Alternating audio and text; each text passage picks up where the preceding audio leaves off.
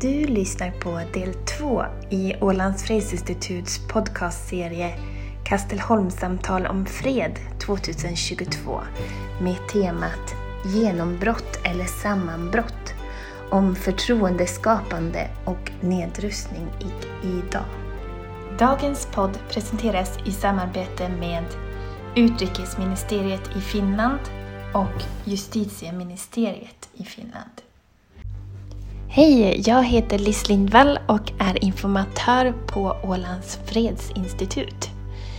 Årets tema på Kastelholmssamtalen 2022 är Genombrott eller sammanbrott om förtroendeskapande och nedrustning idag. Idag har jag med mig Vendela Englund Burnett. Hon är läkare och specialist i allmänmedicin och styrelseordförande för Svenska Läkare mot Kärnvapen.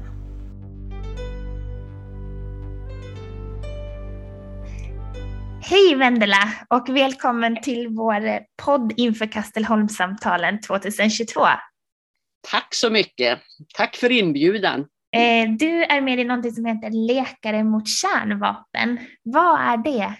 Läkare mot kärnvapen är en internationell organisation som grundades av en rysk och en amerikansk läkare eh, för, baserat på det faktum att eh, vi läkare, vi måste ju försöka förebygga sånt som vi inte kan behandla. Och mm. eh, det är ju så att kärnvapen, det, det är det ultimata hotet mot mänsklighetens liv och hälsa. Och eftersom vi inte skulle kunna behandla, bota, vi skulle knappt kunna lindra eller trösta. Då måste vi förebygga och det är vårt, vår plikt som läkare, vårt, vårt medicinska uppdrag är ju att skydda liv och hälsa. Mm. Så denna rörelse grundades då av, av eh, de här kollegorna och växte enormt snabbt. Eh, och det här var ju för drygt 40 år sedan. Eh, och läkarrörelsen mot kärnvapen hade en betydelse att få ledarna i de stora eh, kärnvapenmakterna att förstå, tror vi, vad det faktiskt handlar om. Mm. Till och med var det så i Ryssland, eller Sovjetunionen som det var då, att grundaren till Dr. Chazov, han blev till och med hälsominister i Sovjetunionen. Eh, på Gorbatjovs tid. Och det ledde också då till att man, alltså man, man gjorde minskningar eh, av kärnvapenarsenalerna och eh, man ökade anslagen till hälsovården så att det hade väldigt stora effekter. Och vi har ju fått erkännande för det här. Vi fick Nobels fredspris 1985 och sen så var, är ju vi en av grunderna till den här internationella eh, rörelsen för att förbjuda kärnvapen, ICAN, som ju också ja. har fått Nobels fredspris. Så att, så att ja, men det, det är en, man kan väl säga att en rörelse av läkare som tar läkarkallet, uppdraget, eh, större på allvar eh, och gör vad vi kan för att, för att eh, se till att detta inte händer. Mm.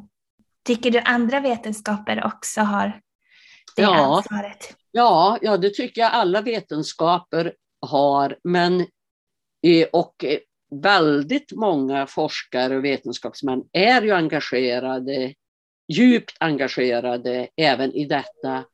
Men vi har en speciell fördel som sagt att, att det blir mycket lättare politik och också det här att man förlorar sig i tekniska, tekniska detaljer kan bli liksom en, en väg till att gå vilse. Om, alltså om, man, om man nu ska prata om ja, sprängkraften, ja, hur, hur mycket är det, hur många dör, är det liksom är det 10 eller 20 eller 30 eller 40 000? Är det liksom en kilometer eller är det två kilometer? Alltså, ja. det, det, jag tror att, att eh, det är ju ovedersägligt inom medicin. Alltså människor är likadana. Det spelar ingen roll. Och det var ju det som var grunden för våra två, de som grundade föreningen. Ja, men människorna är precis likadana. Mm. Det finns inte raser, det finns inte religioner, alltså inga, människokroppen är precis likadan. Fungerar mm. på samma sätt. Vi är ett, en mänsklighet liksom. Ja. Och det, det, det, ger oss eh, en speciell röst. Men jag tycker att alla, eh, och det är ju inte bara vetenskaper, och för, så det är ju naturligtvis alla människors uppdrag på något sätt att använda de verktyg man har. Mm. Hur kan man konkret säga att ni arbetar med de här frågorna? Alltså det, det, under de här 40 åren har vi ju ändrat, vi har ju måste ändra arbetssätt. Alltså det, det var ju någon sorts window of opportunity där, eh, liksom, ja men ända fram kanske till millennieskiftet.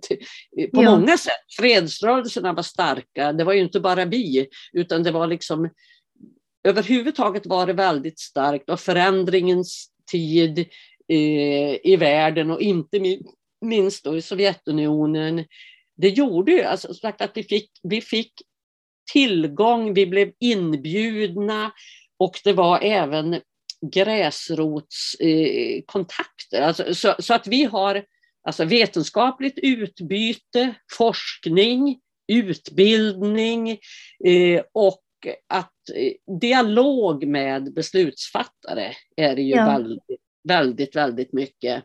Och man säger sista åren nu så har det ju varit eh, naturligtvis det här att få till stånd ett förbud mot kärnvapen som ju då ICAN har liksom varit organisationen eh, som ju är, alltså det är ju en samarbete mellan jättemånga organisationer i ICAN-kampanjen för, för att faktiskt få kärnvapen förbjudna. För det är ju absurt som det är nu att på något sätt så är det liksom lagligt. De, betar, ja, men de har rätt att ha kärnvapen, eh, tycker de. Eh, och eh, liksom icke-spridningsavtalet, NPT, ja, de, de fem godkända liksom kärnvapenmakten, fast de har ju också åtagit sig att göra sig av med dem, vilket de inte gör. Men alltså det, det, så nu, nu, alltså det har ju varit väldigt mycket fokus på det de senaste åren och, då, och som sagt eh, också via ICAN, det här att få ett förbud mot kärnvapen. Alltså många säger det, det, det spelar ingen roll, de struntar ju i det. Men det är nog faktiskt inte riktigt så, för det, för det är klart att förbudet mot kemiska vapen, förbudet mot eh, biologiska, alltså B och C i ABC, massförstörelsevapen, ja. är ju faktiskt tabu. Och även om det sker eh, alltså, brott mot det så är det ju ändå så, ingen tycker ju att det är liksom lagligt att, att man skulle ha rätt att använda de vapnen. Och även provstoppsavtalet respekteras ju i princip. Sen det kom och, eh, så är det ju inte längre okej okay att testa kärnvapen heller. Så att Nej. Ett förbud skulle ju spela jättestor roll och som sagt det är ju helt orimligt att detta kan få fortsätta. Och, och ja. ja. som det är nu, att faktiskt någon tar sig rätten att hota med kärnvapen. Ja. Ja. Så att, att nu jobbar vi väldigt mycket med det, men också alltså det, den internationella läkarrörelsen, det är, ju, det är ju vår absoluta styrka att vi är Alltså vi är överallt, vi har liksom ständig daglig kontakt och hela tiden det här att, att det är medicinskt. Alltså vi jobbar emot fiendebilder därför att vi känner ju varandra också. Och som sagt, vi vet att vi är en, vi vet att det är detsamma och vi kan mötas över alla gränser liksom, som läkare för det gör ju vi också utanför, utanför den här rörelsen. Vi möts ju i alla möjliga andra sammanhang där, med, med vårt gemensamma uppdrag för mänsklighetens liv och hälsa. Ja. Är det också alla slags åldersgrupper som är med? Är det både unga och gamla? Ja, alltså det, vi har ju studentföreningar också som är väldigt aktiva som Alltså till exempel nu, alltså när, när ja, för sista veckorna här så har ju studentgrupperna varit väldigt eh, ja, de var aktiva och, och också formulerat väldigt fint det här att, att vi som läkare alla, alla är emot och också eh, alltså stöd till våra ryska kollegor, för de vill ju heller inte ha det här kriget. Eh, så så det, det, är ju också att, att peppa och stötta dem, det, det är ju också väldigt viktigt. Ja, så det är liksom från medicinarstudenter till, vi är ju väldigt många pensionärer också. I, Men hur har det gått för er när ni har arbetat med de här frågorna de senaste åren? Hur har hur har alltså, det, det, har ju, alltså, som, det väl, har väl varit för oss som för många andra rörelser och organisationer. Alltså man, man trodde väl sådär vid millennieskiftet att det var, väl, det var väl ingen eh, fara, det var väl lugnt. Men man får ju ändå säga att vi har ju behållit medlemstal och aktivitet. Alltså det är ju fortfarande alltså mer än 2000 läkare i Sverige som är med i Läkare mot kärnvapen, vilket är helt mm. fantastiskt. Och globalt, hur många? Ja, alltså jag kan inte ge dig riktigt siffran nu, eh, för också den har ju varit eh, alltså det har ju varit så eh, förut att man liksom har kollektivanslutit. Till exempel så gjorde man så i Sovjetunionen tror jag, att man kollektivanslöt. Så vi liksom hade flera hundratusen medlemmar då. Eh, men, så att jag kan faktiskt ge, inte riktigt ge siffran idag hur många, Nej, hur många som är med. Men det ändrar sig varje, jag kan säga nu ändrar det sig dagligen för nu får vi ju mer och mer och mer medlemmar varje dag då i, den svenska föreningen. Vilket är ju på ett sätt är det ju hemskt därför att det är ju att, för att man är så rädd. Och eh, vi, vi har ju en utbildningsplattform, eh, Lär om kärnvapen på Svenska Läkare mot kärnvapen. Och sen, sen Ryssland gick in i Ukraina igår eftermiddag, från den, på den veckan, hade vi haft 140 000 besökare Oj. på vår utbildningssajt. Och jag är säker, jag är säkert passerat 150 000 idag. Alltså det, det, det visar ju vilken enormt behov det är av att få lära sig om kärnvapen. Alltså folk är ju rädda och vill veta mer. Alltså det är ju helt otroliga siffror.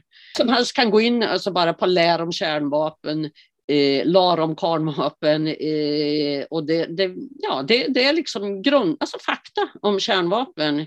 Eh, och den är på svenska men det, det, är också på norska och ryska. Och den ryska versionen har ju alltså redan tidigare haft liksom ett par tre hundra besök i månaden. Så det är ju liksom en, en sajt dit människor går för att lära sig om kärnvapen. Och det, det, Ja, nu går siffrorna som sagt rakt upp och det är sorgligt men begripligt att det är så att människor ja. känner att nu måste, alltså, väldigt många trodde att hotet var borta.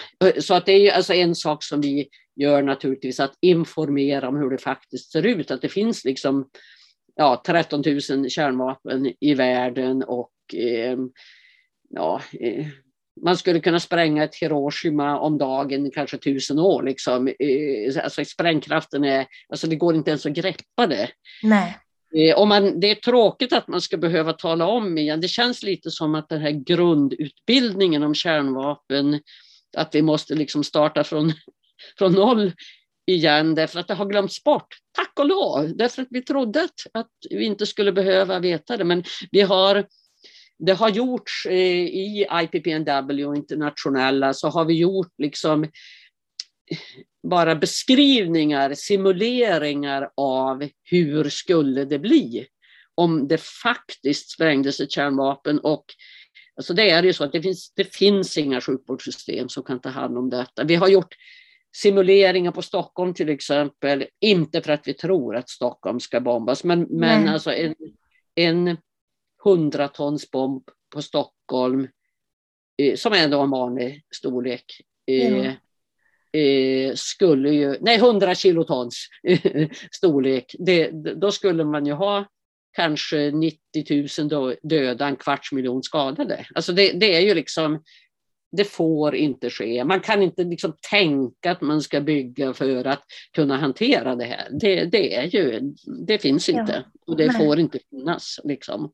Det här, den här kunskapen som du sitter med, vad är det vi ska borde veta, vi som inte är insatta om kärnvapen? Jag tycker egentligen att vi ska veta att detta får aldrig hända. Egentligen mm. så är det det, det att alltså vi måste göra allt vad vi kan och det, det allt ifrån eh, alltså naturligtvis informera oss själva, stötta organisationer som jobbar mot det och göra Alltså det här med internationella fredliga kontakter, mot, som sagt motverka fiendebilder, prata med ryssar om vi känner, alltså människor i alla länder, ordna mötesplatser som, som till exempel på Åland, alltså att människor får träffas, lära känna varandra och liksom det här att vi är en mänsklighet. Det är egentligen, jag tycker egentligen vanliga människor det är det viktigaste, att veta att det här aldrig får hända och göra allt man kan för att det inte ska hända.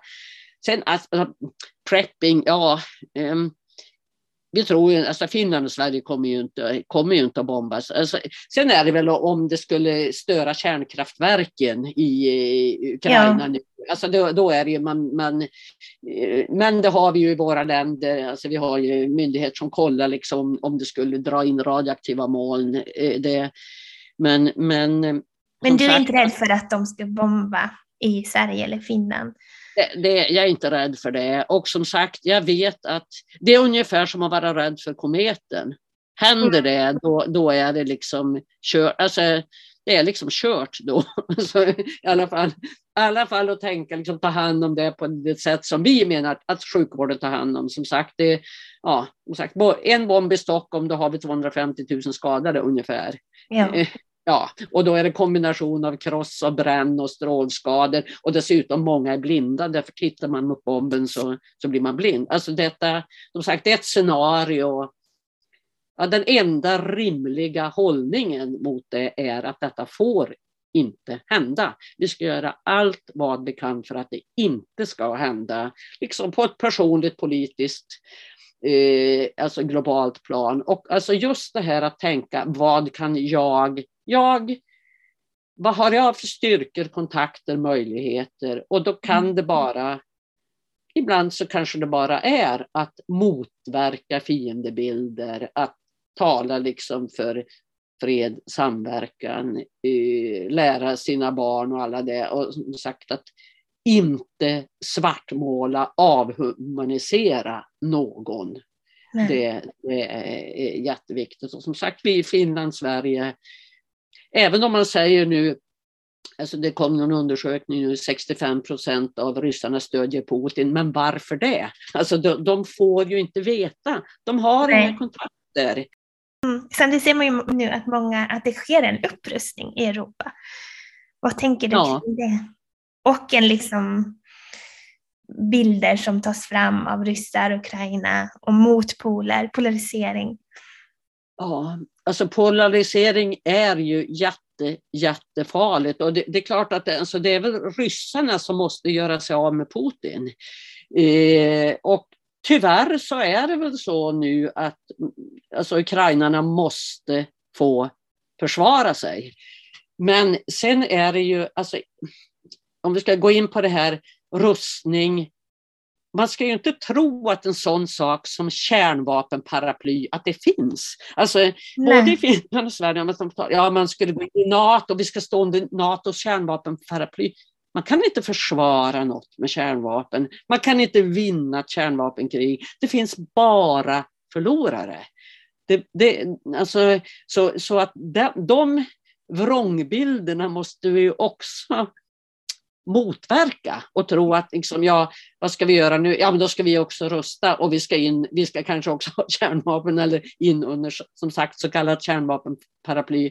Alltså det kommer ju bara att öka spänningen och risken. Eh, ja. Så, så att man, man måste hålla liksom fler, inte bara två utan flera tankar i huvudet samtidigt. Ja. Eh, och som sagt, på sikt så är ju det enda som kan garantera att, eh, att vi inte går under i en kärnvapenkatastrof, det är ju att kärnvapnen försvinner.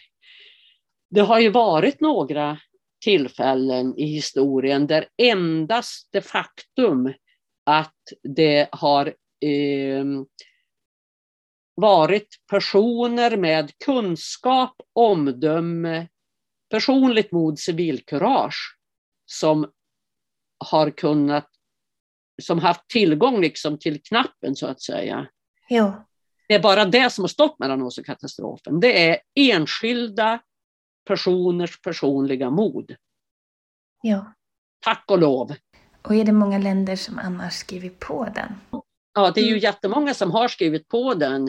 Eh, Men alltså, Sverige röstade ju för den. Men alltså att skriva på och ratificera, eh, Mm. det är ju, det, men, men det är ju tillräckligt många som har gjort det för att den ändå liksom kärn, alltså konventionen finns ju nu och är liksom, eh, kärnvapnen är förbjudna. Men det, det, eh, ja, till exempel våra nordiska länder inte har skrivit på och ratificerat. Alltså, för mig är det obegripligt eftersom man tänker att man bor i ett land som alltid har varit liksom i frontlinjen för fred.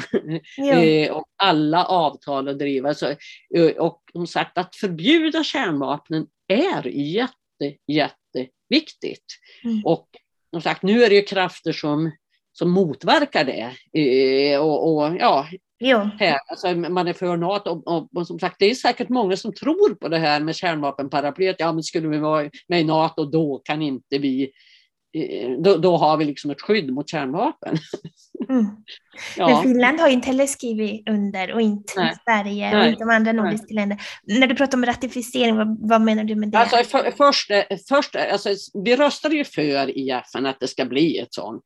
ja. Sen, sen så ska ju då regeringen alltså skriva under, vi skriver under och sen det slutliga är att man liksom ratificerar att nu är man fullt med och det är ju parlamenten som gör det liksom i Mm. länderna. Så det är liksom, det är ju tre steg. Det första att säga att ja, att det blir så. Nu finns konventionen och sen är det ju då att skriva under och sen ratificera. Det är liksom, Mm. ja. Eh, Men nu kanske läget är annat, men innan, det här var ju också innan Ukraina. ja, ja. Eh, varför tror du Sverige inte skrev på? Eller Finland? Ja, jag, mm, jag tror att det är ju för att NATO eh, vill inte att vi ska skriva på. Mm. Ser du något hopp om att man kommer att göra det? Eh, allting kommer i ett nytt läge nu. Det kommer att göras nya bedömningar. Jag hoppas ju att fler och fler inser att den här situationen nu är argument för att kärnvapnen måste förbjudas och måste bort. För som sagt, det är ju den enda, det enda sättet att slippa sånt här i framtiden.